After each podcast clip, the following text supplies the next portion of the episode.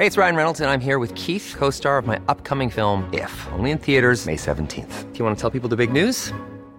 All right, I'll do. Sign up now and you'll get unlimited for $15 a month in six months of Paramount Plus Essential Plan on us. Mintmobile.com slash switch. Upfront payment of $45 equivalent to $15 per month. Unlimited over 40 gigabytes per month. Face lower speeds. Videos at 480p. Active Mint customers by 531.24 get six months of Paramount Plus Essential Plan. Auto renews after six months. Offer ends May 31st, 2024. Separate Paramount Plus registration required. Terms and conditions apply if rated PG. Planning for your next trip? Elevate your travel style with Quince. Quince has all the jet setting essentials you'll want for your next getaway, like European linen, premium luggage options, buttery soft Italian leather bags, and so much more. And it's all priced at 50 to 80% less than similar brands. Plus, Quince only works with factories that use safe and ethical manufacturing practices. Pack your bags with high-quality essentials you'll be wearing for vacations to come with Quince. Go to quince.com slash trip for free shipping and 365-day returns. A lot can happen in three years, like a chatbot may be your new best friend. But what won't change? Needing health insurance. United Healthcare Tri Term Medical Plans, underwritten by Golden Rule Insurance Company, offer flexible, budget friendly coverage that lasts nearly three years in some states. Learn more at uh1.com.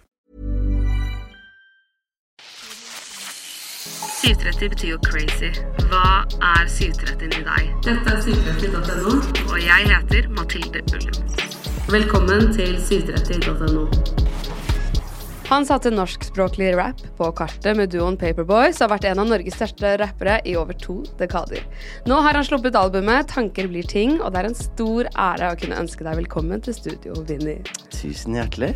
Bare hyggelig. Mm, så stas å være her. Ja, gratulerer med ny musikk. Tusen takk. takk. Hvordan føles det?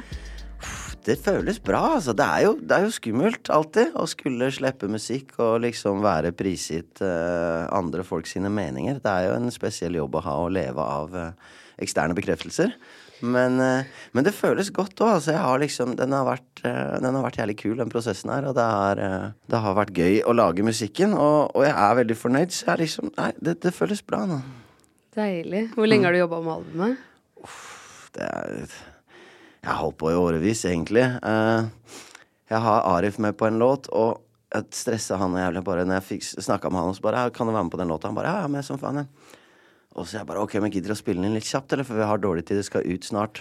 Så han bare 'Ok', nei, men stressa han ned i studio og spilte inn verset sitt. Uh, jeg bare 'Ja, vi skal ut om et par uker allerede'. Og det er vel tre år sia. så, så det går, det går treigt i popbransjen til tider. Så jeg har sittet og liksom ja, så noen av låtene er Den er i hvert fall tre år gammel, og noen av låtene er litt sånn men no, Og noe blei gjort ferdig for en måned siden. så det er litt sånn Men det er den derre Jeg er bare i studio hele tiden, så den prosessen av å lage låter er liksom bare Den går fortløpende. Eller den er evigvarende. Ja, Er det noe av det som er veldig gammelt, eller er det det meste? Ja, det, den er jo tre år gammel, den, eh, den med Arif, i hvert fall. Eh, det er kanskje ikke så mye som er veldig mye eldre enn det, men, eh, men det, er, det er liksom altså, Låter har litt sånn rart liv, eller i hvert fall mine, så noen ganger så begynner de, og så er det Så det er én låt, men den har gitt ut. En Tinnsoldater var egentlig en Paperboys-låt på engelsk som jeg skulle ha med når vi ga ut en sånn Vi ga ut en EP i 2016, Paperboys EP, og så skulle vi lage en uh, volum to av den. Men så pff, Jeg veit ikke, jeg blei så sur og desillusjonert av hele greia, så jeg bare scrappa hele prosjektet. Uh, hadde masse låter ferdig som jeg bare eh, gadd ikke å gi ut. Og Så den 'Tinnsoldater' er derfra, så jeg har skrevet om reffet på nytt og så lagd en ny låt av den. Så det, den er jo da nesten syv år gammel. Men, eh, men, selve låta er ikke så gammel, da. Den, ideen er så gammel. Ja. Mm. Oi, shit, så kult. Mm. Ja, Gloria er jo også med på den uh, skiva som du slapp i 2021. Yes. Og nå har 28 millioner streams på Spotify. Gått veldig bra. Ja, det er, det, det blir glad av å høre det hver gang. Jeg bare, yes, yes, si det med, si det med. Men ja, det er jo ofte en enorm uh, et privilegium og en gave å få lov å liksom å ha låter som folk trykker til seg. Da. At folk liksom fortsetter Den driver og klatrer inn på topp 50 innimellom igjen fortsatt, liksom. Og den har jo vært ute i snart to år, tror jeg. Så det er jo Ja. Det er bare dritfett. Ja, det er så kult. ja, det er gøy. Det har vært en av mine mest spilte låter de siste årene. Ja, shit, så fett. Takk. Den er veldig kul. En gang så kjørte jeg på Voi, og så hørte jeg på den, og så kjørte jeg forbi deg, og så var jeg sånn Nei, dette er veldig rart. Er det sant? Ja. Å, du må skrike ut. Jeg syns jo det er så stas. Den beste følelsen, Hvis alle skulle gjort det, så tror jeg du hadde blitt litt gæren. Ja, det er Ja, kanskje. Jeg veit ikke, altså. Jeg, jeg syns det bare er liksom Får liksom så mye kjærlighet. Jeg syns det er bare stas å møte folk som eh, Ja, de som har fine ting å si, og bare jeg hører på musikken din', og det er Du får liksom sånn ekstra boost og bare tenker at ja, det er et poeng. Det er en grunn til at jeg driver med det her, og det, det er i hvert fall en jævla fin bonus med karriere. Og det er hyggelig. Mm. Jeg satt i møte med en eh, dokumentarfilmskaper som heter Hanne Westgård. oh, ja. Og så sa jeg at jeg skulle møte deg nå, og hun bare å, han sa noe som nettopp bare liksom endret måten jeg tenker ting på. Er det sant? Ja, jeg skrev Shit, det ned, men jeg angrer på at jeg ikke skrev det inn på Mac-en. Ja, ja. Det er, et, det er også en så enormt privilegium bare at folk Ja, at folk tar til seg ting og kommer og bare Shit, jeg hørte på noe du sa, og det er liksom bare wow. Ja, så, og liksom sånn- husker det. Hun måtte Ja. skrive det ned. Hun bare ja, Jeg har blitt jævlig glad i å lære meg nye ting i voksen alder, men man må bare omfavne det som ræva, og at det er et nytt univers som åpner seg. Mm.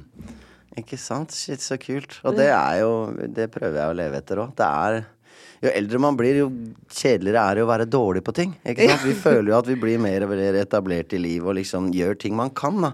Uh, men det er et eller annet jævlig sunt med å gjøre ting man ikke kan, og bare være ræva. Og jeg skulle lære meg å surfe, for eksempel, og padler ut der, og så er det niåringer som fliser rundt deg, og så er man helt useless, og det er uh, Det er veldig bra jording. Sånn eh, ydmykhetstrening. Ja, ja, ja. Som er veldig sunt. Og så er det Ja, det skjer et eller annet når man eh, øver på nye ting.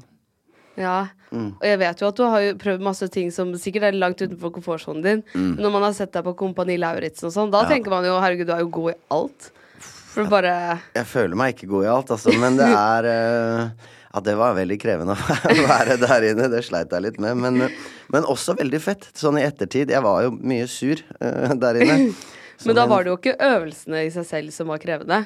For jeg vet at jeg hadde slitt med det fysisk å klare alt det, men Ikke sant? Det er jo Noe av det var jo veldig sånn vanskelig, og så blir jeg jævlig sur på meg sjæl når jeg er dårlig. Så jeg er ikke noe sånn grei med meg sjæl i forhold til Vi hadde noen sånne oppgaver som vi skulle løse, som vi gjorde så dårlig. Jeg var så sur. Jeg skreik og brølte. Jeg blir liksom veldig irritert på meg selv. Uh, men så er det jo heftig å bli filma så mye, og, og jeg er også litt sånn derre jeg kan synes det er skummelt å være i store grupper. Jeg er ikke liksom sånn, sånn Sosialt sett så jeg, kan jeg bli litt sånn ubekvem. Og det skulle bo på en kaserne med 14 folk jeg ikke kjenner så godt, og det er bare åh, med kamera i trynet hele tiden, og så folk som står og skriker og kjefter på deg, da merker jeg at åh, det, det tærte på min eh, Min eh, ja, både selvfølelse og, og, og sjelsro. Men sinnssykt digg etterpå. Jeg husker jeg satt på det flyet, satt sammen på vei hjem derfra. Når det liksom var ferdig, satt jeg ved siden av Lise Karlsnes, og vi satt og snakka. Jeg bare Faen, føler meg så sterk. Jeg føler liksom at jeg klarer alt. Det er en eller annen sånn enorm mestringsfølelse å pushe seg gjennom ting som, som er skummelt og vondt. Men så på andre siden av det så skjer det veldig ofte noe, noe jævlig gøy. Uh, som er sunt for, uh, for utvikling. Ja, det er sant. Mm. Men det er jo sjelden man er keen på å prøve på ting som man er ræva i. Ja. Men, men Ja. du har lært deg å surfe. Ja, jeg prøver i hvert fall. Det er jo det vanskeligste jeg har gjort. Uh, men, men ja, det er, det er det jeg driver mest med på Bali. Det er, det er så jævlig fett. Det er en sånn helt egen følelse. Og, og bare, ja Å ri på bakken som beveger seg. Det er, det er et eller annet helt uh, unikt med det. Så, så jeg prøver. Eh, jeg er ganske streng med meg sjæl der òg, for det er jævlig irriterende når man ikke får det til, og man føler at alle ser på deg. Og, men eh, men det er litt ja, det er litt sånn greia mi, det å gjøre ting jeg syns er skummelt. Det er eh, Jeg gjør det hele tiden, og så gjør jeg det. Jeg har funnet ut at jeg driver og tar alle disse utfordringene. Jeg gjør det på TV, som jeg veit ikke hvor smart er, men den, det Jeg skulle lære seg å danse og sånn, for eksempel. Det, ah, det var så vondt. Men ja, det er et eller annet befriende med det òg. Å liksom bare pushe seg, kaste seg ut i ting som jeg syns bare å, Jeg hater det her, liksom. Jeg visste det når jeg Både når jeg gjorde Kompani Lauritzen, Skal vi danse Jeg veit at jeg kommer til å mistrives. Jeg veit at jeg kommer til å liksom bare ah, Vrenger seg inni meg. Men det er et eller annet å bare gjøre det for det. Gjøre de tingene som, som gjør deg redd. Og da skjer det ofte noe eh, i forhold til sånn utvikling. Og man vokser så jævlig på det. Men det er jo ubehagelig, da. Men så, veldig. Men så morsomt at du har lyst til å prøve de tingene. Mm. Jeg satt og lurte på om det var liksom Skal vi danse og sånn, er det dine forslag, eller har du lyst til det, eller er det noen som pusher deg? Skal vi danse bestemte jeg meg faktisk for sjæl. det er jo Jeg er ikke så glad i når folk sier De spør meg hele tiden, men de spør jo alle. Ikke sant? Alle, det er så mye reality-programmer og så få kjendiser i Norge at alle blir spurt, så jeg føler ikke at det er noe å skryte av. Men, men akkurat Det var liksom litt sånn Jeg hadde tenkt at det skal jeg aldri gjøre. Det er sånn, Nei, det kan jeg ikke. Jeg er ikke, jeg er ikke noe glad i å danse. Jeg er ikke hypp på å gå og bruke så mye tid. Da. Det krever jo enormt med tid. At du danser ti timer om dagen i ukevis. Men det var litt sånn Det var midt under korona, så det var sånn Når jeg vant til å spille konserter og kjenne på forventningspress og, og kjenne på liksom sånn utrygghet og usikkerhet og, og nerver og alt det greiene som det er med å spille live, og det blei liksom tatt bort. Og det var en litt sånn tomhet. Eh, så, så det var en av grunnene, og det var litt sånn derre Fuck it, ja, men da kan jeg få Da får jeg kjent på noiaen igjen, i hvert fall. Eh, og, så, og så er det også det der at jeg er litt sånn at når det er skummelt, så skal jeg gjøre det. Er det ubehagelig, så skal jeg gjøre det. Eh, og så var det også, siden jeg ikke spilte så mye konserter, og det var litt sånn eh, Pengene tørka inn litt, eh, og jeg drev og bygde hus på Bali. Så tenkte jeg ok, men da kan jeg danse litt, da, så får jeg betalt uh, Får jeg bygd en etasje til. Så, så det var litt sånn flerdelt.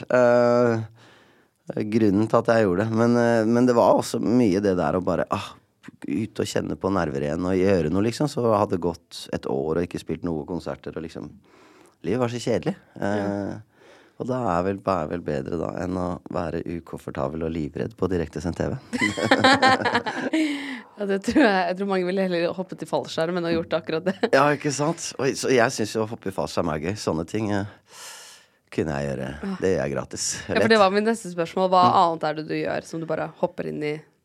Akkurat nå så, så er det å gi ut skive. Jeg syns jo det er skummelt. Ja. Det er jo et eller annet med med det. Eh, og det var jo også når jeg, når jeg gjorde Skal vi danse, så skulle jeg også gi ut bok, og så drev jeg også og ferdigstilte. Jeg slapp jo den Glorie da, så jeg, så jeg var mye i studio. Så var, jeg gjorde jævlig mye ting som var jævlig skummelt, som gjør meg redd og ukomfortabel.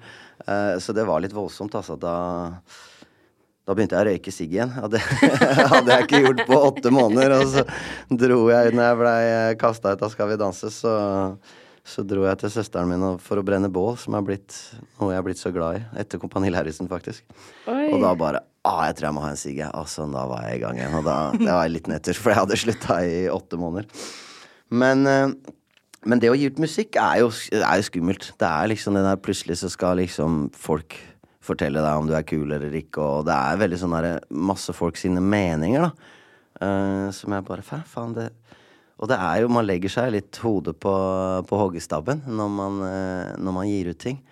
Så, så det syns jeg er skummelt. eh, men jeg er jo også blitt mer vant til det nå. Det er, ikke, er ikke, det, er ikke, det er ikke like skummelt som før. Og jeg er også Det handler jo veldig mye om at jeg har lært meg at du må bare slå deg til ro med hva du syns, først. sånn at, sånn at nå, Jeg liker den skiva. Jeg er jævlig stolt av den. Jeg er jævlig fornøyd. Og det er egentlig det eneste som har noe å si. Eh, og da Så da er så jeg er litt mer avslappa nå. Men når du sa det i stad den skal ut om et par timer, jeg bare damn. mm, begynte jeg å dirre litt igjen og sånn. Men, eh, men ja, det er det jeg driver med som jeg, som jeg syns er skummelt akkurat nå. Og nå er det også litt sånn på tide å ta det litt med ro. Jeg trenger ikke bare å være redd hele tiden. så ha en liten pause fra, fra ting som gir meg noia. Ja. Ja, for det er jo sant, denne podkasten her spilles jo inn rett før den kommer ut. Ikke sant? Et par timer før den kommer ut. Ja, Men jeg har sant? hørt den, og den er dritkul. Fett. Den Tusen er takk, altså. skikkelig kul. Så jeg er sikker på at det her kommer til å gå veldig bra. Ja, vi får håpe det. Det går jo bra. Det går jo alltid bra. Det går jo alltid bra. når det ikke liksom Jeg har jo opplevd å få slakt, og det gikk jo fint, det, ja. Mm. Ikke sant? Jeg får jo fortsatt lov å lage musikk, og det, det er jo så, så det kommer nok til å gå fint, altså. Men takk, det er gøy at du setter pris på det. Det er jo vi er, Jeg er litt sånn sucker for skryt. Det er, det er stas å høre. Man blir glad. Ja, men Mm. nå har du gjort dette her en stund, og du har jo sluppet mye musikk. Mm. Føler du at det er annerledes nå enn det var i starten?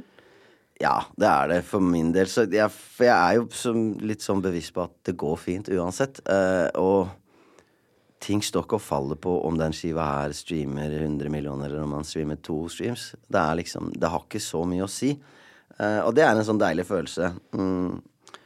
Så, og så er det det at man har gjort det før, og jeg kjenner liksom ikke på Ja, det er ikke så ukjent terreng, da. Uh, det er jo over 20 år siden jeg ga ut første skiva, så det er liksom Jeg har jo gjort det noen ganger nå. Uh, men musikkbransjen er jo annerledes. Streaming er jo annerledes, og det er liksom Det går så fort nå med internett, og alle driver Ja, så må du ha TikTok-konto. Ja. Hold kjeft, da! Jeg er ikke hypp på det. Uh, det kunne jeg se for meg. ja, det er ikke helt uh, Du har ikke sittet og tenkt sånn Å, hva er det bra snippet til TikTok? Nei. 15 sekunders Nei, jeg har ikke det. Altså, har, det er litt sånn Jeg har heldigvis folk rundt meg som kan få tenke på det. For så er det jo det liksom på TikTok så sier de ja, da gjelder, det gjelder å være personlig og liksom Og jeg skjønner jo det. Det er fett for folk å, å få et innblikk i livene til mennesker, men for meg så er det et eller annet unaturlig med å Hei, se på meg. Se på Sitte og snakke inn ja, i kameraet. Liksom, jeg misunner de som får det til, for det er, jo, det er jo jævlig fett. Og det er jo en fin måte å kommunisere med folk på. Men for min del så blir det litt sånn Det faller meg veldig sjelden inn å dra opp telefonen og Hei. Det er liksom ikke ja. Jeg tror uh, av uh, alle bildene jeg har på kamera, så er vel 80 av de av uh, familie. Så det er liksom Det er liksom ikke Jeg tar ikke så mye selfies. Nei. Så, men kanskje jeg får begynne med det òg. Ja, kanskje. Mm. Eller overlate det til noen andre. Ja. Det er, det er noen det er, det er, alltid for folk som er flinkere enn meg til, på ting, så det er greit å, å bruke kompetansen ja. jeg har rundt meg. Det som er litt annerledes denne gangen, er vel at du også ikke gjør det med Gunnar Greve?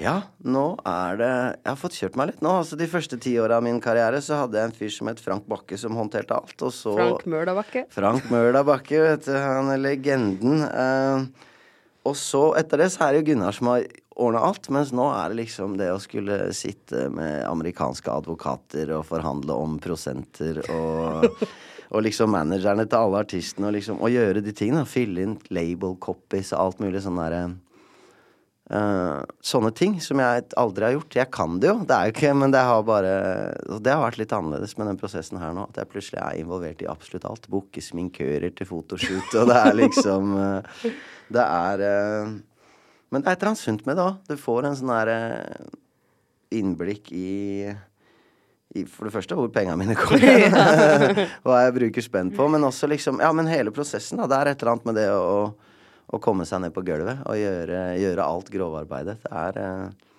det er givende, men jeg veit ikke om jeg trenger å drive med det hele tida heller. jeg er ikke så god på administrering som jeg, jeg, kanskje skulle ha vært. Eller som du er på musikk. Ja, ikke Man kan ikke sant. være best på alt. Det... Nei, ikke sant. Men igjen så er det lurt å øve på de tinga man er dårlig på. Ja. Eh, så, så, så, det har vært jævlig sunt, altså. Men ja, vi får se. Jeg tror ikke jeg blir uh, Jeg blir ikke corporate med det første, merker. Det er ikke det å sitte og forhandle og sånn er ikke helt min uh, favoritting. Ja, det skjønner jeg. Det er vanskelig å forhandle på egne vegne òg. Ja. Mye lettere for å forhandle på andres. Ikke sant. Det er jo et eller annet Også det, det er et eller annet Men når du lager musikk og skulle begynne å prosentsette folk sitt bidrag mm. uh, Det du skrev, det er bare verdt så Det er liksom jævlig sånn derre uh, og så kan man Ja, ah, men det der, hvis ikke det hadde vært det, ikke sant. Det blir veldig sånn derre Skal du liksom sette et tall på på hva folk sitt bidrag utgjør, er veldig vanskelig. Ja, og så uh, si nei, jeg har vært med her', eller og, og så stå liksom og forsvare det. Det er kjempevanskelig, selv om det er business, og det er ikke noe personlig med det. Ikke sant? Oh, det er... Men det er jo det folk sier, at business never personal. Men det er jo ingenting som er så personlig som business. I hvert fall, hvert fall hvis det er din egen business, så er ja. det liksom Det er faen så personlig som, som, bare det. Men det der å klare å holde den balansen med at ja, det er jo også pensjonen min og, og, og sønnen min sin uh, sin arv vi snakker om. Så jeg er jo mm. hypp på å få mest mulig spenn, samtidig som jeg er ikke hypp på å skru folk heller. Så det er den der balansegangen av å, ja. av å stå på krava uten å være asshole. Ja.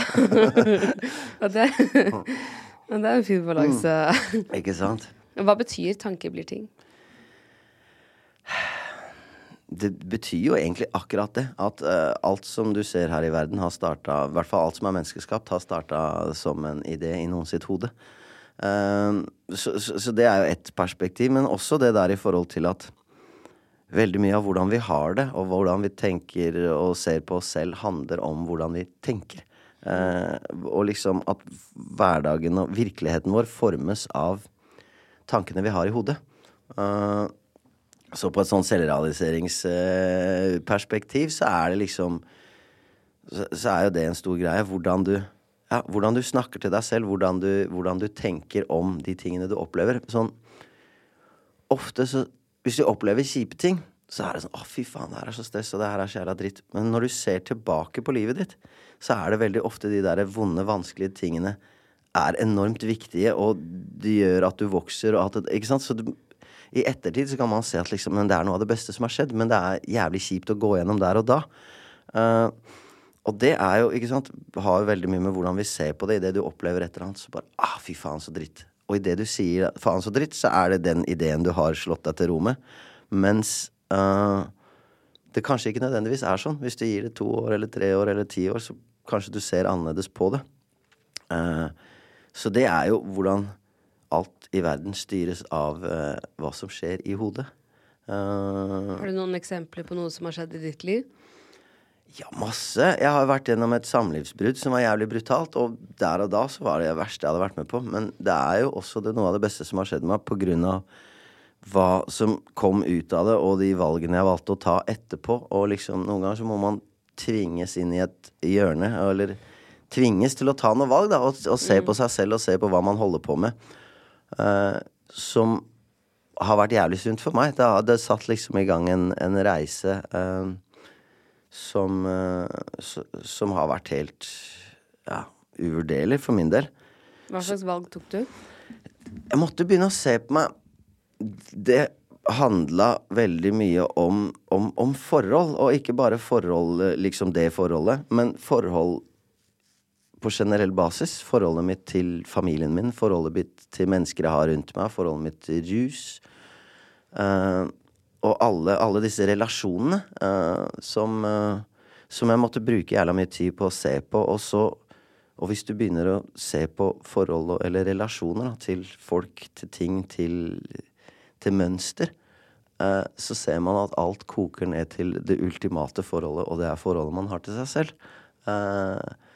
Og det var jævlig sånn derre Ja, game changer for meg. Uh, I forhold til ja, hvordan jeg ser på meg selv. Uh, og, for det er veldig lett at hold, man holder på med ting, og ja, men sånn er jeg, og det driver jeg med. ikke sant? Altså, er, vi har jo veldig mye mønster som vi er ubevisste på. Som er bare ting som skjer i, i livene våre, som vi bare gjør på autopilot, på en måte. Som ligger i underbevisstheten. Uh, og, og, den lærdommen i at noen ganger så kan det være greit å stoppe opp og se hvorfor gjør jeg det. Hva er det liksom Hvorfor reagerer jeg sånn jeg gjør? Hvorfor, hvorfor har jeg et behov for å drikke så mye? Hvorfor har jeg et behov for å stikke av fra ting jeg syns er vanskelig? Hvorfor, hvorfor er jeg som jeg er, da? Eh, mm. Og det, det, er en jævlig sånn, for meg, en spennende Et spennende prosjekt som jeg tror aldri man blir ferdig med. Eh, så det er liksom en uh, work in progress som varer livet ut. Uh, og jeg syns det er jævlig fett. Jeg, jeg, liker, den, uh, jeg liker den jobben. Uh, og det å være bevisst på, på, seg selv og se liksom hvordan, hvordan, jeg er. Hva slags menneske er jeg? Hvem? Hva slags venn er jeg? Hva slags far er jeg? Hva slags sønn er jeg? Alle disse tingene. Og se på Se på hvordan jeg er i verden in, i denne menneskelige opplevelsen. Mm det, det, gjorde at jeg liksom måtte ta det til et nytt nivå og ta det mye mer seriøst. da. For jeg hadde masse ideer om meg selv som jeg innså at kanskje ikke nødvendigvis var helt sanne. Ja, det er beinhardt å innse, da. Ja, det er det, men uh, Det tror jeg alle mennesker kommer til å oppleve en dag. Ikke sant? Og det er jo Og da Og det der hvordan man ser på det, da, og liksom å få se på det som en gave. At det er liksom en mulighet til å forbedre seg for å bli et, et bedre menneske. En, ja, en bedre person som er liksom mer til stede i livet, og som klarer å være mer tilgjengelig for de folkene jeg har rundt meg, de jeg er glad i. Så, så det kan være beinhardt. Mm. Det gjør jo vondt. Uh, men uh, som min mor liker å si, hvis ikke terapi gjør vondt, så funker det ikke. så det er, uh, og så tror jeg også det gjør vondt å ikke gjøre det. Å bare være i de mønstrene og liksom og bare leve. Vi har jo veldig mye De fleste av oss har jo ganske mye mønster og uro inni oss som vi ikke nødvendigvis uh, er klar over. Og jeg tror de skaper uh, utfordringer for oss, uansett om du ser på det eller ikke. Uh, men hvis du tar et lite et lite blikk, et lite innblikk, tar en titt, så, så tror jeg det vil gagne deg. å, å gjøre jobben. Og, og, se litt på det og liksom finne ut av hvorfor tenker jeg sånn, hvorfor er jeg sånn, hvorfor blir jeg så sur av det. Uh, så det tror jeg er en sunn prosess. Men vi, vi, er, vi er, på et veldig fint sted. Du bor uh, på Bali og i Norge? Ja. det, jeg bor på, både, både, i Norge og på Bali, og det har jeg egentlig gjort de siste ti årene. Um, ni, i hvert fall. Hvorfor Bali? Bali? Det er fordi det er så jævlig deilig der. uh, nei, det er jo mm, liksom vi, vi, vi, endte opp der. Vi var på ferie og var der en del. Og så bare shit, her var det jævlig deilig å være. Og så møtte vi masse folk som vi blei glad i, og så tenkte vi liksom bare at hei, det her uh, Her hadde det vært digg å bo, men det går jo ikke. Og så bare hm, hvorfor går ikke det? Så bare Ja, det funker jo det. Så da blei det bare sånn. Oi, så kult. Mm -hmm. Og det hørtes deilig ut. Ja, det er det er en fin måte å være i livet på, føler jeg. Det er et eller annet, noe av det beste jeg veit. Hvis du ser på Eller det er liksom så åpent og velkommen. Kjører Når jeg kjører på scooteren, hvis du ser fremmedfolk, så smiler de til deg. på en måte, Og det er veldig sånn der, en fin måte å være i, i universet på, syns jeg. Uh, og det er liksom Ja, det er en helt egen stemning og energi der som, uh, som er bare jævlig sånn behagelig. Og så er det jo digg med sol og sommer, og du kan surfe hele tiden. og Mm. Livet er liksom litt sånn lettere der, føler jeg. Ja, det skjønner jeg. Uh, har du studio der og sånn? Nei, jeg har ikke det. Uh, ikke mitt eget. Jeg kjenner en del folk som har studio, uh, og nå Men jeg er liksom Det er et eller annet med at jeg er så på, og er så på jobb når jeg er hjemme i Norge. Uh, og siden familien er der borte, så er det liksom det er ingen som stresser om jeg kommer hjem klokka fem om morgenen, eller om jeg er i studio i en uke i strekk. Uh, så, så, for meg så er det litt sånn deilig å bare være helt off når jeg er der. Også litt for å være til stede fordi jeg har rundt meg, da. Siden jeg er borte så mye, så er det litt fint å kunne være Å kunne være på. Men jeg, jeg føler liksom jeg får jobba fra meg her, sånn. Så når jeg er der, så bare lever jeg slaraffenlivet. Å, deilig. ja, det er ganske digg også. Det er det. Chava er jo med på albumet. Yes. Og du har jo kjent han lenge. Dere går jo way back. Ja. Dere ga vel ut første låta sammen i 2002? Ja, jeg, ja, jeg tror det. Vi, ja, da hadde vi alle, liksom alle jobba sammen ganske lenge, så ja, ja vi, vi, vi, går way back. Hvordan møttes dere? Jeg møtte Tjave gjennom Josef, faktisk. Jeg jobba i en klesbutikk i uh, Storgata. Uh, som Josef pleide å poppe innom. Uh, så blei jeg kjent med han. Og så en dag så hadde han med seg Tjave, og så bare Ja, vi fant bare tonen, egentlig. Det bare var litt sånn Vi hadde mye til felles. Han var liksom afrikaneren som hadde flytta til Norge, og jeg var nordmannen som hadde flytta til Afrika. Så det, jeg veit ikke. Vi bare Vi bonda på veldig mange ting. Uh, så, så det, det, liksom Jeg veit ikke helt hvordan Så jeg møtte han i den sjappa, og så møtte jeg han litt sånn rundt omkring her og der, og så plutselig en gang så hadde vi vært ute, og så blei han med hjem. Jeg hadde en kåk som var litt sånn nachspiel-kåken, med, med mye plass, og det pleide alltid å ligge noen på sofaen der, og en en dag så blei Tjave med hjem fra byen, og så sov hun på sofaen, og så endte han opp med å bare bli der et par år. sånn, ikke, ikke heltid, men han, i starten, da jeg blei kjent med Chav, så hadde han ikke noe Han var jo teknisk sett hjemløs. Han hadde røtter mange steder, men, men ikke, noe, ikke, noe, eget. Så da Og siden vi hadde så jævlig mye like tanker og ideer og like drømmer, så bare Man kan ikke bare henge tæra. Og så gjorde vi det sånn. Så sykt fint. Mm. Ja, det er eh, Uff, det er et av de forholdene jeg kanskje er mest takknemlig for. Eh, eller jeg er jo takknemlig for alle mine forhold, men det er, det er noe helt spesielt med, med, med det båndet vi har, som er uh, en jævla fin måte å få være i verden på. Å ha en uh, tvilling, som vi liker å kalle hverandre. Åh, mm. Så koselig. Ja, det er det. Ja, du feirer jo to dekader i musikkbransjen. Vil du fortelle litt om hvordan det startet? Jeg eh, Ja. Det er jo helt sjukt. Og jeg er veldig fornøyd med at jeg er her ennå. At det er liksom Det går jo fortere og fortere, denne musikkbransjen. Og, og det er ikke alle forunt å få lov å holde på i, i over 20 år. Så Men det starta vel egentlig Jeg bodde i Tanzania når jeg gikk i 7. og 8. klasse i, i Øst-Afrika.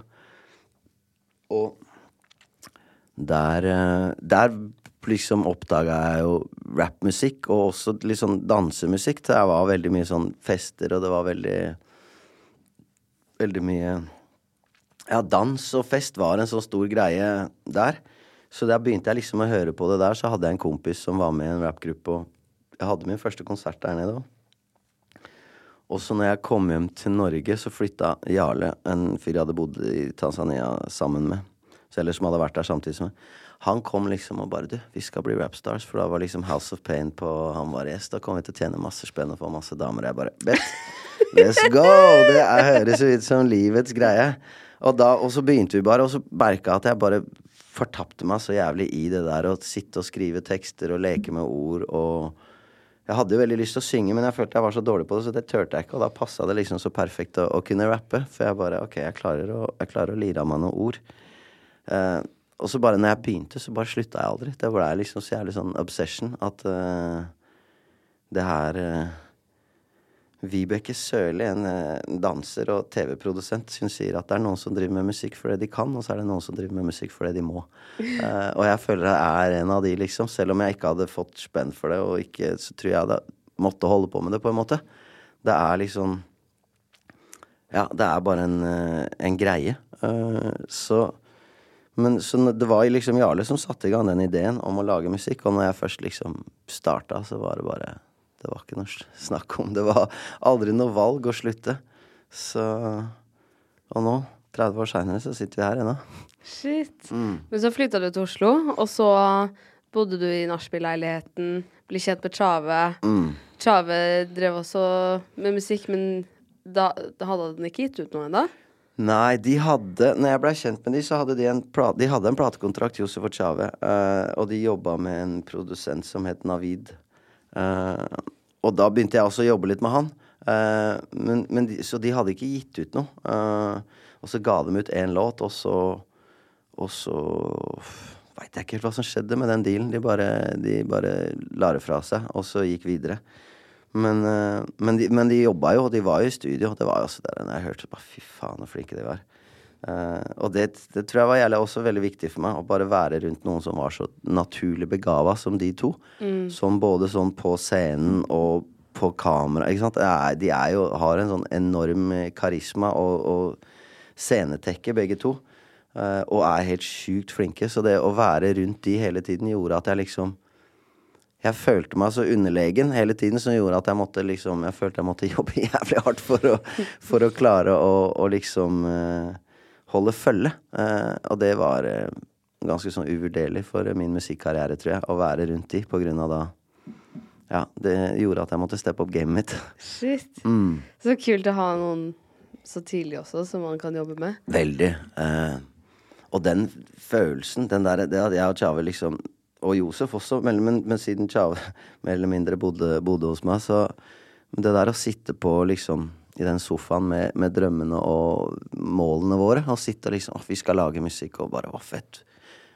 Og så da, 20 år seinere, så liksom begge to har fått det til på hver vår kant. Selv om vi, vi, vi liksom Vi slapp jo den første låta sammen, eller de var med på Barcelona. Men så har vi liksom hatt hver, hver vår karriere på hver vår side. Og det er en eller annen jævlig sånn digg feeling. Og vi fikk det til, liksom. Og, og, og, gøy å kunne sitte og se tilbake på. Bare shit, vi er her ennå. Vi lager musikk fortsatt. Og det er Ja. Det er jævlig fett å dele det med noen. Uh, og, og, så er det kult å se at det liksom Det blei faktisk sånn. Tanker blir ting. Vi, det vi hadde bestemt oss for at vi skulle bli, vi blei det. Og det var liksom Det var ikke garantert, det.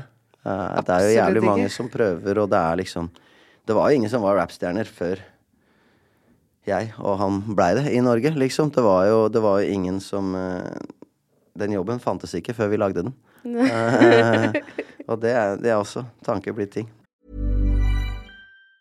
If you thought the only way to get a more defined jawline with natural looking results was through surgery, think again. Juvederm Volux XC is a non surgical injectable gel filler that improves moderate to severe loss of jawline definition and can help you achieve natural looking results with little downtime. Even better, this improved definition lasts up to one year with optimal treatment. No maintenance required. Improve jawline definition for a smooth, sculpted look with Juvederm Volux XC. For important safety information and to find a licensed specialist, visit juvederm.com. That's J U V E D E R M.com. Not for people with severe allergic reactions, allergies to lidocaine, or the proteins used in Juvederm. Common side effects include injection site redness, swelling, pain, tenderness, firmness, lumps, bumps, bruising, discoloration, or itching. There's a risk of unintentional injection into a blood vessel, which can cause vision abnormalities, blindness, stroke, temporary scabs, or scarring. Talk to a licensed specialist to find out if it's right for you. When you're ready to pop the question, the last thing you want to do is second guess the ring. At Bluenile.com, you can design a one of a kind ring with the ease and convenience of shopping online. Choose your diamond and setting. When you find the one, you'll get it delivered right to your door. Go to Bluenile.com and use promo code LISTEN to get $50 off your purchase of $500 or more. That's code LISTEN at Bluenile.com for $50 off your purchase. Bluenile.com code LISTEN. I'm Sandra, and I'm just the professional your small business was looking for. But you didn't hire me because you didn't use LinkedIn jobs. LinkedIn has professionals you can't find anywhere else, including those who aren't actively looking for a new job but might be open to the perfect role, like me. In a given month, over 70% of LinkedIn users don't visit other leading job sites. So if you're not looking on LinkedIn, you'll miss out on great candidates like Sandra. Start hiring professionals like a professional. Post your free job on linkedin.com/people today. Men du sa at du hadde vært så slem mot deg selv og hard mot deg selv. Hvordan har det vært i en så tøff bransje? For det er jo Er det noe du må, så er det jo nesten å tro på deg selv. Ja. Og det, men jeg tror jo En ting Det er liksom Det er en, en en gave og en forbannelse, på, eh, som det så fint heter. Det er liksom det at Jeg har jo alltid hatt en følelse av at det ikke er bra nok. Eh, og det gjør jo at man hele tida fortsetter å liksom Man prøver hele tida å forbedre. Man, det gjør at man Det er en enorm sånn drivkraft. Men det betyr jo også at det aldri er bra nok.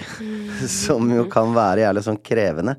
Eh, så jeg tror på mange måter så har det Den følelsen har vært helt sånn avgjørende for at jeg har fått til ting. Mm. Uh, men det har jo også gjort at jeg har ikke nødvendigvis vært så grei med meg sjøl. og ikke kanskje klart å sette pris på veldig mye av de tingene som jeg har oppnådd og fått til, på grunn av at man hele tida har en eller annen idé om at det kan forbedres, og Ja, jeg kan gjøre mer. Jeg kan gjøre det bedre. Uh, så det er liksom Det er, ja, det er et uh, toegget sverd, som det så fint heter. Eh, men nå det er jo bedre å være raus med seg selv, har jeg begynt å innse.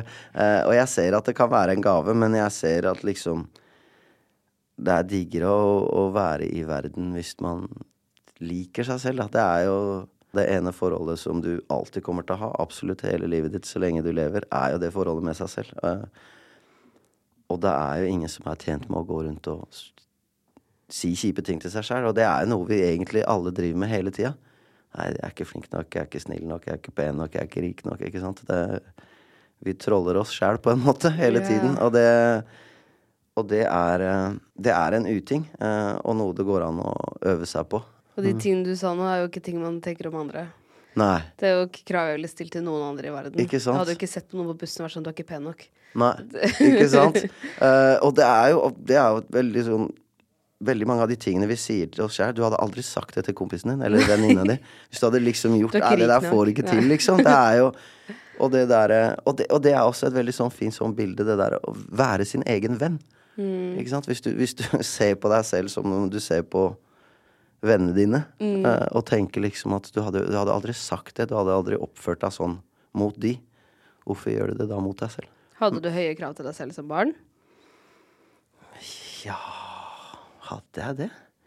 Jeg tror det. Jeg har alltid vært jeg har, jeg har nok alltid stilt høye krav til meg. Jeg har liksom For jeg har jo en tanke om at jeg kan være god i alt. Mm. og at jeg skal, bør være god i alt. Eh, og derfor forventer å være god i alt. Og da er det jo, hvis man er ærlig med seg selv og ser at faen, det der er jeg ikke noe god på, så det har alltid irritert meg noe jævlig. Men det har jo kanskje til gjengjeld altså alltid gjort at jeg at jeg går for ting. At jeg, jeg står på. Jeg er, ikke, jeg er ikke så glad i å gi meg. Eh, hvis det er noe som betyr noe, da, selvfølgelig. Det er jo Det er jo mye ting jeg ikke trenger å drive med. Det er mye ting jeg ikke trenger å være så god i. Men, eh, men jeg har nok alltid alltid hatt veldig høye krav til meg sjøl. Mm. Jeg prøver å senke de. Ja. men har foreldrene dine fått grunn til å hatt høye krav til deg? mm, Tja, jeg vet ikke om de, de Jeg har jo to eldre søstre som jo er enormt intelligente, begava mennesker, så øh, og det har jo alltid vært liksom Jeg er jo Jeg føler jo at jeg by far er det dummeste i min familie.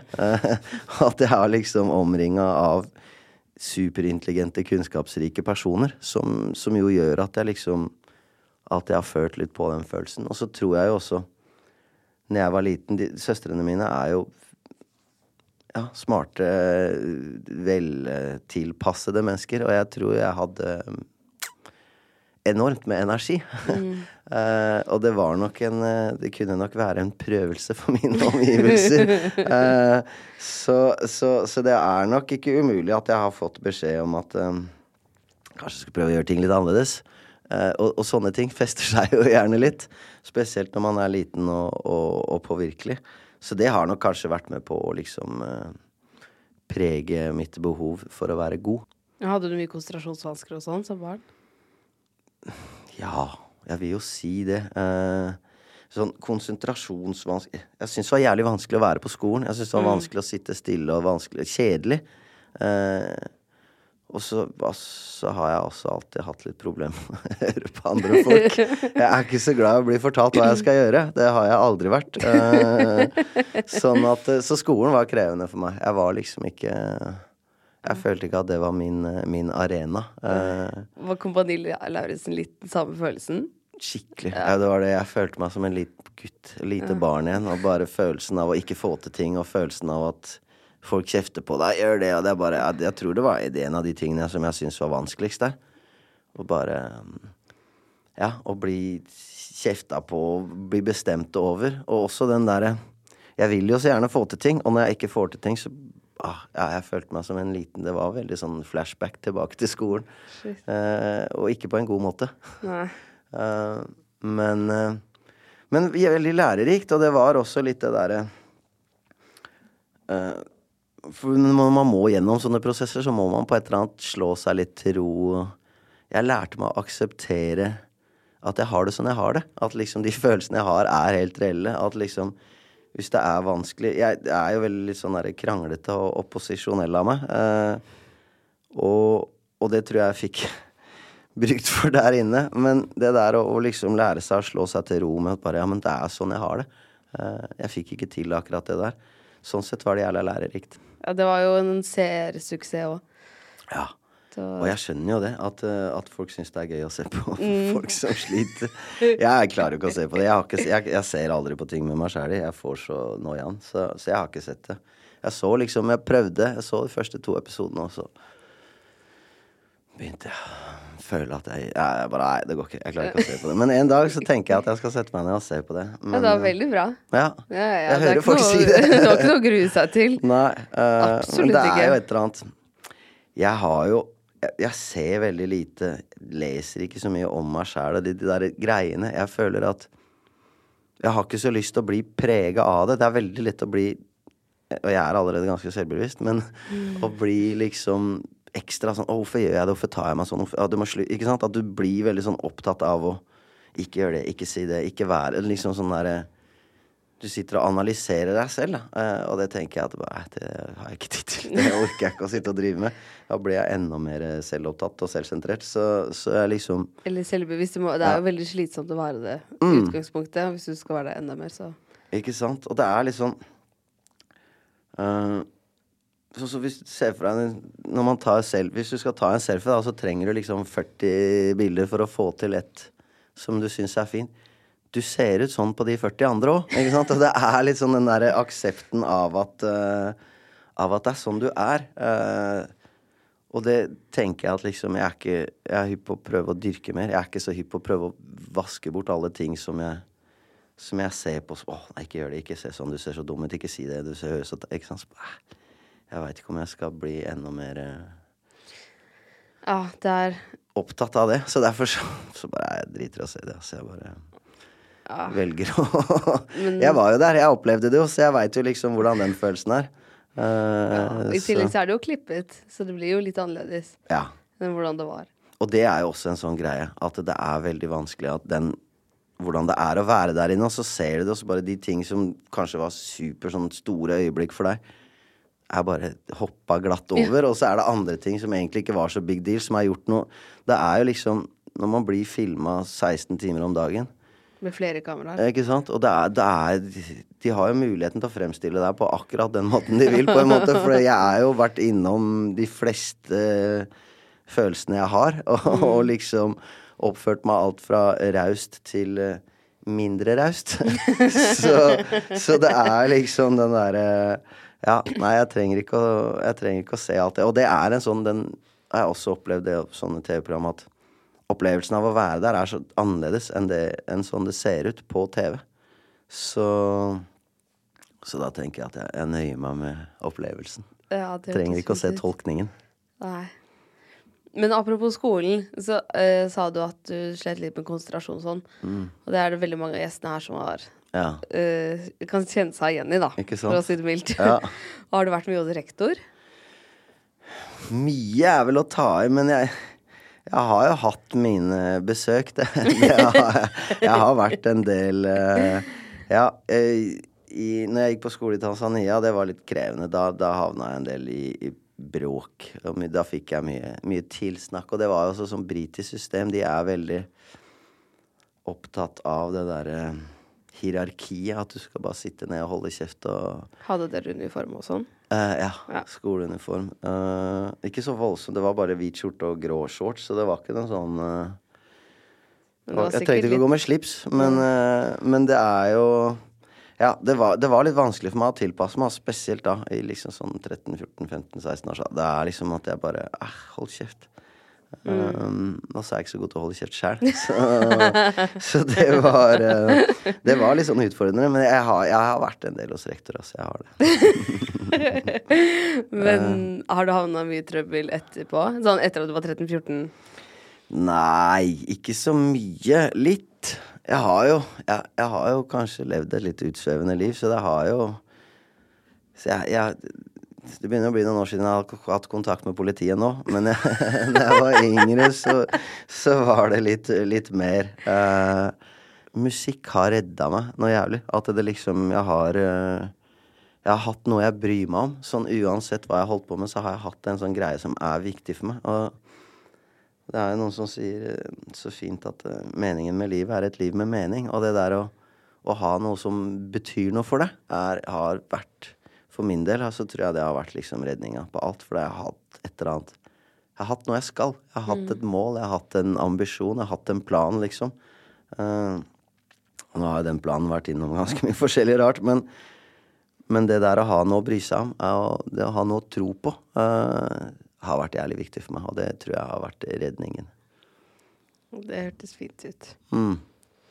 På plata di så har du låter sammen med Marstein, Sjave, Admiral P, Arif og Emma Steinbakken. Mm. Og så har du et par låter hvor du synger alene. Mm. Hvilken vil du si er din favorittsang? Oh. Det er ikke så lett å si, altså. Jeg har litt sånn derre Ja, det forandrer seg litt. Sånn der, ofte så liker jeg den best, den siste jeg lagde. den som jeg har hørt minst på. Men jeg er, jeg er jævlig stolt og jævlig fornøyd av den skiva. Jeg liker jo veldig godt både den med Emma og Marstein. Mm. er jo låter jeg er veldig glad i. Uh, um, så jeg, jeg, er ikke så lett for meg å, å, å, å plukke favoritter. Men jeg, jeg, tror kanskje de to. Uh, jeg har jobba Har fått Lido. Har jeg jobba, gjort et par låter på den her, og det har vært jævla stort for meg å jobbe med han. Jeg har kjent han lenge. Uh, så, så jeg, er veldig, jeg, er veldig, glad i de låtene jeg har gjort med han. Men jeg er litt sånn ja, Jeg liker egentlig alle låtene, altså. Det er uh, Jeg er liksom jævlig stolt og fornøyd av produktet. Jeg er uh, Og alle er liksom litt forskjellige. De har sine forskjellige kvaliteter. Så, så det er liksom vanskelig å trekke fram blir sånn som hvem er ditt favorittbarn? Ja, det kan man ikke kåre. Nei. Da blir det dårlig stemning. Mm. Ikke sånn. Men har du alltid visst at det er musikk du vil drive med? Fra jeg var sånn 15-16, så tror jeg det. At jeg liksom, når jeg først bestemte meg, så var det bare Det her er det jeg skal. Det var liksom aldri noe valg. Det var, jeg hadde, hadde aldri noe plan B. Jeg hadde aldri noe liksom det var, noe, det var ikke noe, annet. Det var det jeg skulle drive med. Ja. Mm, men er det noen fordeler på å ikke jobbe med Gunnar Greve? Er det noen ting du slipper nå, som han pusher deg inn i? Uh, ja, jeg og Gunnar har jo et lættis forhold, og vi har liksom vært gode venner og glad i hverandre i veldig, veldig mange år. Uh, men det er klart at han har jo en um, enorm overtalelsesevne. Han er jo en uh, flink og dyktig selger, så, så det blir Det er kanskje litt ting som jeg Men det har ikke vært så mye av det i det siste. Sånn, vi har liksom funnet ut av greia vår, så det er ikke så mye sånn som jeg tenker shit, jeg hadde digg at jeg slipper det nå. Uh, og det er grunnen til at liksom vi ikke jobber så mye sammen. Jeg er jo fortsatt i studioet hans uh, hele tida, og, og, og, ser han jo oftere. Det er jo litt der at han, han er så busy, han har jo så mye greier. Liksom, livet til Gunnar var en interessant dokumentarfilm for fem år sia. Nå er det liksom en biopic. Det er, det er helt sjukt hva han holder på med, hvor flink han er, og liksom hva han driver med. Jeg tror ikke det er så mange som skjønner faktisk hva slags nivå han opererer på. Uh, hva slags uh, Hvor mye han jobber. Uh, mm. Hvor heftig av liksom Hvor mange tanker han har i hodet samtidig. Og det er jævlig, jævlig fascinerende. Og det, jeg har jo alltid hatt den der teorien om at står du nærme flammen, så blir du varm, du òg. og det har vært liksom jævlig lærerikt. og også sånn derre beundringsverdig å bare se på bare Shit, hva er det du får til? Liksom hvor mye han hadde Hvor mye sånn Gjennomføringsevnen hans hva Han har liksom bygd et Kanskje et av de største sånne musikkeventyrene i Norge noen gang.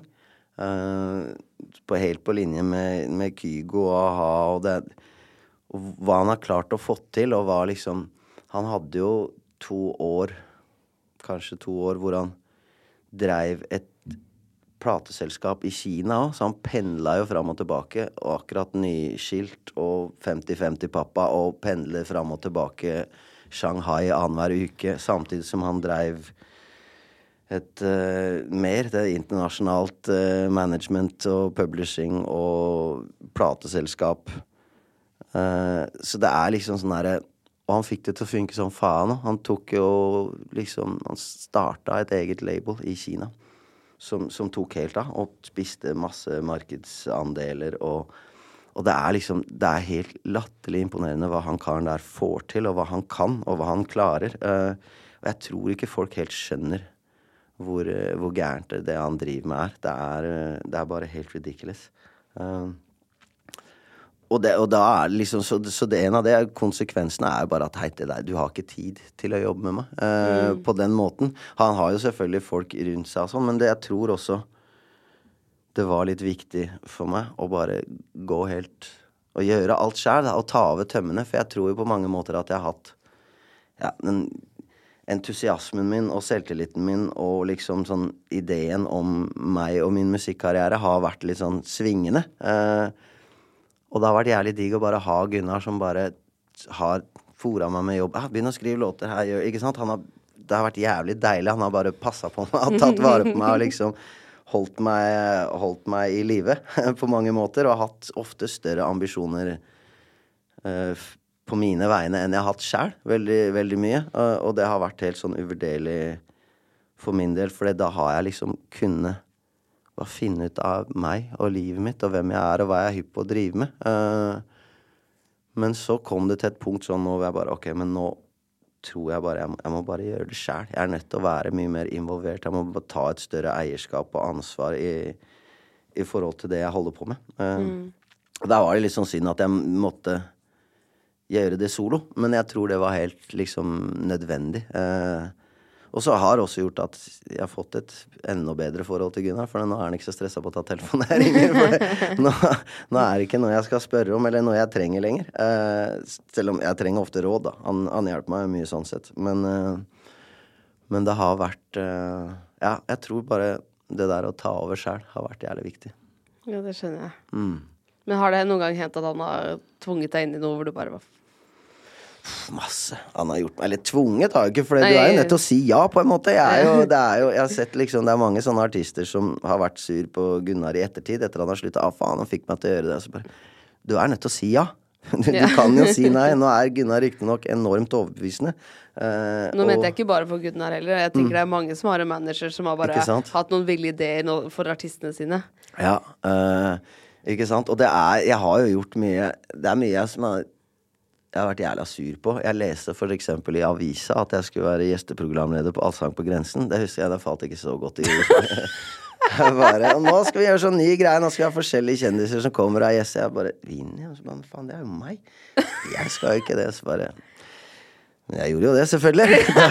Det er Gunnar var overbevist. Men det er jeg jævlig glad for òg, for det er liksom sånn Det er også greia ofte at jeg vil ikke, jeg vil ikke, jeg vil ikke. Og så gjør du det, og så kommer det positive ting ut av det. Jeg blei kjent med mm, mennesker på, på den innspillinga der sånn, som er viktig i livet mitt nå. Til 10-15 år etterpå. Uh, så det, det, skjer jo ofte ting når man gjør ting som man ikke ja, er så hypp på. Men, men, det har vært en del Jeg var ikke noe hypp på å gjøre hver gang vi møtes heller. Uh, jeg bare fuck, det vaska jeg. For det var også første sesongen, så man visste jo ikke mm. hva man gikk til. Ikke sant? Det, Eller gikk jo en i Sverige. Ja, men jeg hadde ikke sett den, som jeg fikk litt kjeft for. Bare, du må jo vite hva du er med på. Så bare, jeg liker ikke å vite hva jeg er med på. Altså, jeg syns det er litt sånn deiligere å ikke være For hvis man har en eller annen idé om hvordan det kommer til å bli, så er det liksom så Så jeg er ikke så glad i å gjøre research. men, men det, det, Gunnar hadde vært i Sverige og sett, for det hadde begynt i Sverige før, uh, før i Norge. Så det var greia. Så han sett hvor jævlig bra det funka for han svenske rapperen Petter. Så han kom jo bare Du, nå har jeg sett noen greier som du skal være med på. Så han gikk jo rundt til alle produksjonsselskapene i Norge og bare Hei, når dere, en av dere kommer til å få det programmet her, når dere får det, så må du bare si fra, for da skal jeg ha en Vinni der. Uh, og det ordna han jo. Det er litt sånn der, så det var jo en sånn masterplan fra Gunnars sin side. Og det også er jo jævlig takknemlig for, for det var helt uh, enormt sånn der viktig bidragsytende for karrieren min. Det, det, det, tok jo alt et nytt nivå. Det, det liksom Ja. Så, så, jeg er jævlig glad for at jeg gjorde det, men det var jo nokså motvillig, det òg.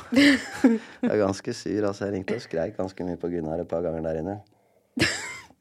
Så dårlig dekning òg, vet du, så han hørte meg ikke, så Ja. Han fikk sparken et par ganger mens jeg var der, men Men det var ikke bare der inne heller, det, altså. Nei, vi har jo hatt noen runder. Men det er jo litt sånn i denne musikkbransjen og underholdningsbransjen at liksom Det er jo mye folk som vil gjerne ha deg med på mye ting. Eh, og, og, det kan ofte så, så, så Jeg og Chava alltid liksom si det er jævla lett å si nei når du aldri blir spurt. Men ikke sant, det dukker jo opp muligheter, og det er mye ting som uh, men jeg tror ikke jeg har gjort noe som jeg angrer på. Som jeg liksom tenker faen, det skulle jeg aldri vært med på. Uh, og jeg har gjort mye rart. altså Jeg har vært med på jævlig mye ting. Men det er liksom sånn i etterkant så er det bare opplevelser. Så. Ja, ja, ja. Det var mm. ikke noe jeg hadde i tanken om at det var noe Nei. du burde angre på. Altså. Men jeg bare sant? tenkte bare at det er sikkert noen morsomme historier det er, jo, det er jo mye ting. Og det er også liksom bare musikk man har gitt ut. Det er jo, man er jo inne i masse forskjellige faser. Man går gjennom livet. Det er, jeg ser jo tilbake bare Ok, det der skulle jeg gjort annerledes. Men det nytter jo ikke å lese historien med nåtidens briller. Det var liksom Det er et eller annet med å bare forsone seg med at jeg var der jeg var. Jeg gjorde det jeg gjorde fordi jeg tenkte det jeg tenkte, og følte det jeg følte. Er du klar for en spørsmålsrunde? Let's go. Ladies and gentlemen. Instagram spørsmålsrunde. Instagram spørsmålsrunde.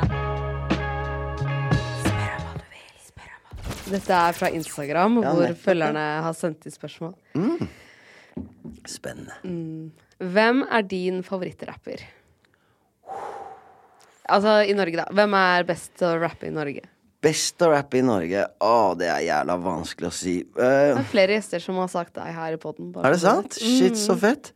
Uh, det riktige svaret er jo Josef. Uh, på, uh, på, mange måter. Men det er også litt sånn Det der beste rappespørsmålet er litt vanskelig, for det Liksom Hvis du ser på Jonas Benjob, Arif, Store P, Lars Vaular, ikke sant? De gjør jo De rapper alle sammen, og Josef, men de har jo hver sin stil. Ikke sant? Det er liksom Det er jævlig vanskelig å sammenligne. Jeg føler jo det er mange som kan få og fortjene tittelen Norges beste rapper. Uh, men det riktige svaret er nok Josef. Fordi at han bare Han har uh, en rytmeforståelse eh, som er helt utenom det vanlige, og han skriver jævlig, jævlig bra. Um, men, det er, men, det er, mange Jonas Benjob er jo også Han har noen sinnssyke skills. Jeg syns jo også Lars Iveli er jævlig fett. Uh, så beste rapperen i Norge Ja, jeg tror jeg bare går med Josef, selv om det er, det er mange kandidater. Det er mange som uh, med rette kan få den tittelen. La dem ha den. Og så er det en som lurer på av de nye rapperne, de nye unge, hvem de er den beste? Nye, av de nye unge Jeg tror det må stå mellom uh, Benjob og Lars Iveli, altså. Det mm. er uh, Ikke under grunn? Uh, de er flinke, de òg, altså, men jeg tenker litt sånn Jeg syns de er dritfette. Jeg er skikkelig fan av henne i grunn. Men jeg tenker liksom Mitt min forståelse av rap, da, den er litt sånn gammeldags. Uh, og da tenker jeg med litt sånn teknisk og Teknisk Og det Ja, liksom bare den, det tekniske aspektet av å rappe. Og da føler jeg at liksom Benjob og, og Lars Juveli er er på et litt eget nivå. Men jeg er jævlig fan av Undergrunn. Jeg digger det de driver med, det òg. Men det er ikke sant, igjen at det blir litt sånn De kan godt være det, de òg. Ja, ja. Åpenbart så er det mm. Marcel Balbumet ditt, så du er jo Ikke sant. Ja, han er jeg jævlig fan av. Det var, jeg er jævlig takknemlig for at han gadd å bli med. Og alle, at alle blir med, liksom. Jeg tar det ikke for gitt at folk gidder å lage musikk med meg. Uh, Tipper de ser på det som en ære. Det hadde jo vært veldig koselig i så fall. Men uh, de sa nå i hvert fall ja, så takk, til, takk skal de ha, alle sammen. Her er det en som skriver. For du ga meg et smil, sommerfugl i vinterland. Så koselig. ja. Gode støttespillere og lang levetid i bransjen, er det en annen som skriver. Føler du at du har hatt gode støttespillere? Veldig. Jeg føler at det er en av Jeg vet ikke om det er en gave, men en av mine evner og største gavene jeg har, er liksom uh, Er de folka jeg hatt rundt meg. Jeg har alltid hatt eh, masse fete folk, og det hadde liksom vært helt umulig å få til det jeg har gjort uten de. Eh, helt tilbake fra Frank Bakke Nina Lauritzen var masse folk som var liksom helt sånn der i, Både i karrieren, men også bare i livet. At det er liksom uh, Ja, det tror jeg er en av mine største sånne velsignelser, er alle menneskene jeg har rundt meg. For Frank Bakke, han var den første som signet deg? Han signa meg, uh, og det var jo Ja, det var en helt Er en helt egen uh, spesiell karakter, men liksom den jobben han gjorde var helt uvurderlig for meg, men også for liksom norsk hiphop. Jeg tror ikke norsk rap hadde vært der det er i dag uten Frank Bakke. Han var liksom Han var stein gæren, men også er stein gæren. Eh, men på en veldig god måte. Men liksom den der innsatsen han la ned for å gjøre gjøre norsk rap eh, konkurransedyktig, eller at liksom å være med å bygge et marked, var eh, Alle norske rappere skylder Frank Bakke mye, selv om eh, han også gjorde ting som kanskje var litt mer Han hadde ikke de beste platekontraktene, men det var jo ikke nødvendigvis han. Det var jo, eller liksom. Det var han som solgte dem inn, men det var jo ikke hans sjappe. Han tjente jo ikke noe spenn på det. Men, men, ja, noen av de Han hadde noen mindre suverene vurderinger òg, men han har også gjort jævlig, jævlig mye. Spennende. Mm. hvilken av dine egne låter er din favoritt? Det er vanskelig å si. Altså. Det, jeg, liksom, jeg, tenker jo nå at det må være en av de nye, for det er alltid en av de nye. uh, men uh, Det veit jeg ikke, altså. Det blir litt det samme som det bare Det er, det er så vanskelig å velge en favoritt, men det er jo jævlig mange låter som har gitt meg veldig mye. Eh, sånn som jeg har fått veldig mye ut av. Og alle Ja, alle, egentlig. Men eh, det er vanskelig å si, altså et eller annet fra den nye skiva, kanskje. Um, hvem er din inspirasjon innenfor musikken?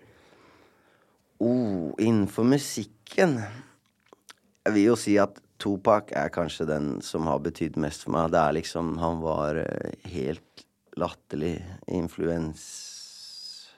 Innflytelsesrik på, på meg. Det har betydd Kanskje Det må nok være den som har betydd mest for meg, tror jeg. Men uh, Uh, men, det, men, det, er jo mange. Jeg har hatt sjukt mange liksom Outcast, Scarface, NWA har vært sjukt, sjukt uh, innflytelsesrike. Men det som inspirerer meg mest, som hvis vi tenker ikke bare rap, så vil jeg si Max Martin er kanskje en av de jeg ser mest opp til. Uh, for jeg føler liksom det han har gjort med Ja, som låtskriver og som produsent, er bare helt latterlig. Uh, og han har noe Så det er kanskje, kanskje Max Martin, altså. Shit. Mm. Hvordan har du klart å holde deg relevant som artist i over to dekader? Jeg veit ikke om jeg har klart å holde meg relevant hele tiden. Det er, jo, det er jo en sånn svingende dal. For jeg har jo Jeg husker jeg Du er inn og ut av topplistene?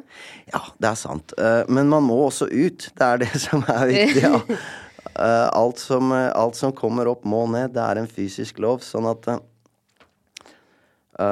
Det har jo vært Jeg har jo også gitt ut skiver når folk har vært sånn der Ja, Vini har gitt ut soloalbum, skal vi bry oss? Eh.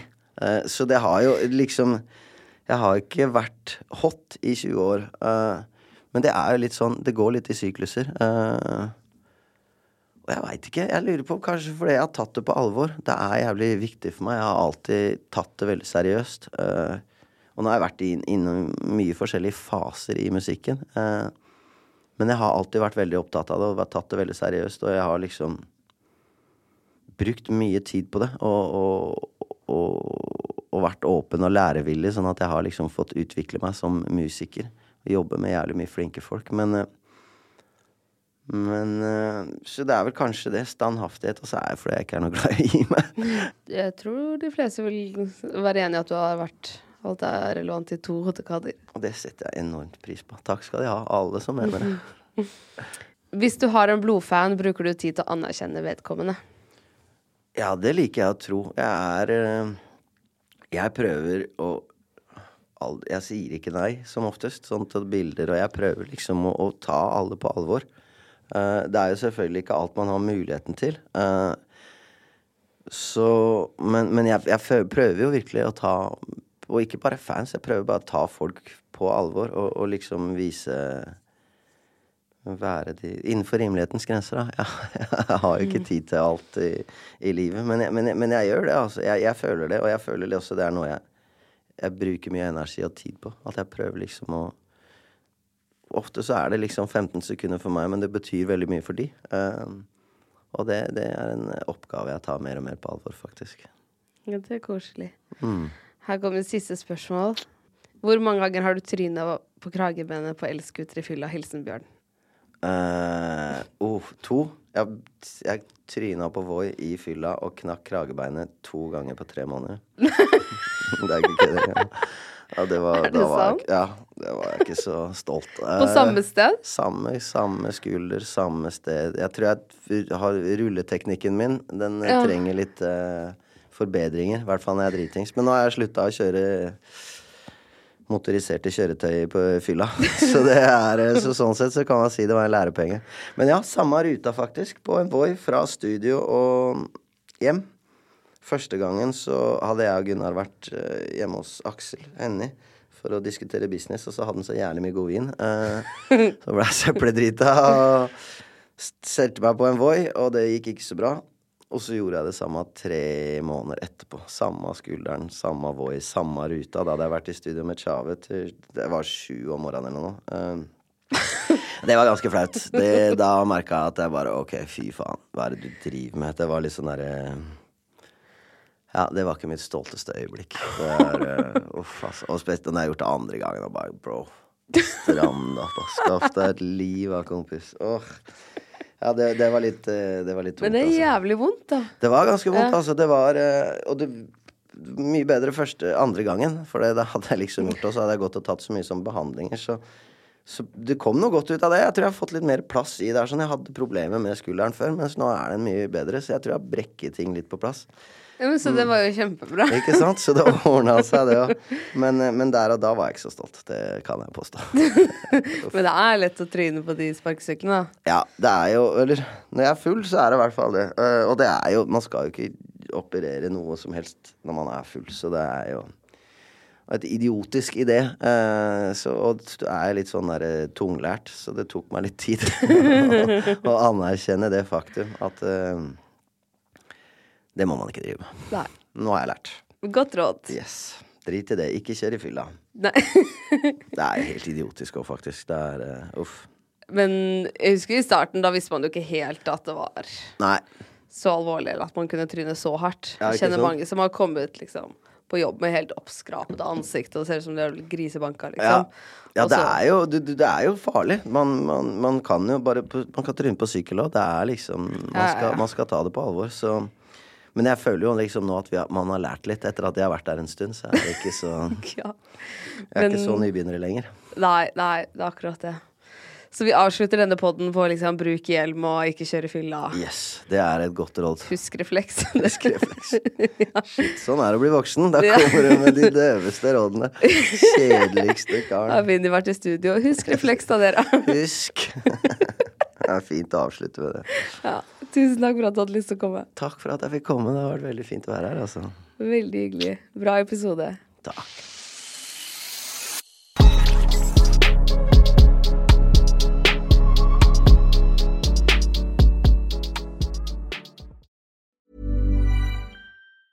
Planning for your next trip?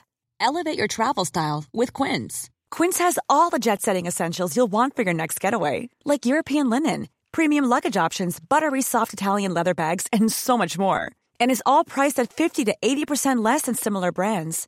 Plus, Quince only works with factories that use safe and ethical manufacturing practices. Pack your bags with high-quality essentials you'll be wearing for vacations to come with Quince. Go to quince.com slash pack for free shipping and 365-day returns. Hey, it's Paige DeSorbo from Giggly Squad. High quality fashion without the price tag. Say hello to Quince. I'm snagging high-end essentials like cozy cashmere sweaters, sleek leather jackets, fine jewelry, and so much more. With Quince being 50 to 80% less than similar brands. And they partner with factories that prioritize safe, ethical, and responsible manufacturing. I love that. Luxury quality within reach. Go to quince.com slash style to get free shipping and 365 day returns on your next order. Quince.com slash style. Imagine the softest sheets you've ever felt. Now imagine them getting even softer over time. That's what you'll feel with Bowl and Branch's organic cotton sheets. In a recent customer survey, 96% replied that Bowl and Branch sheets get softer with every wash. Start getting your best night's sleep in these sheets that get softer and softer for years to come. Try their sheets with a 30-night guarantee. Plus, get 15% off your first order at bowlandbranch.com. Code BUTTERY. Exclusions apply. See site for details. Tusen takk for at du hører på 730-podden. Hvis du har lyst til å være veldig kul, så er det bare å legge igjen fem stjerner. Og da blir jeg veldig glad, fordi det er jeg som lager alt til denne podden. Og jeg trenger masse gode stjerneanbefalinger for å kunne be sjefen min om litt høyere lønn. Så det hadde vært veldig fint. Jeg slipper nye episoder hver eneste tirsdag. Og hvis du ikke har hørt alle ennå, så er det bare å spole tilbake i biblioteket. Og trykker du på følg, så kommer alle de nye episodene rett inn i spilleren sekundet de blir sluppet. Send meg gjerne en DM hvis det er noen du har veldig lyst til å ha som gjest. Og husk at vi alltid poster spørsmålsrunder på Instagram Story, så da kan du få med spørsmålet ditt i neste episode hvis du vil det. Ha det bra!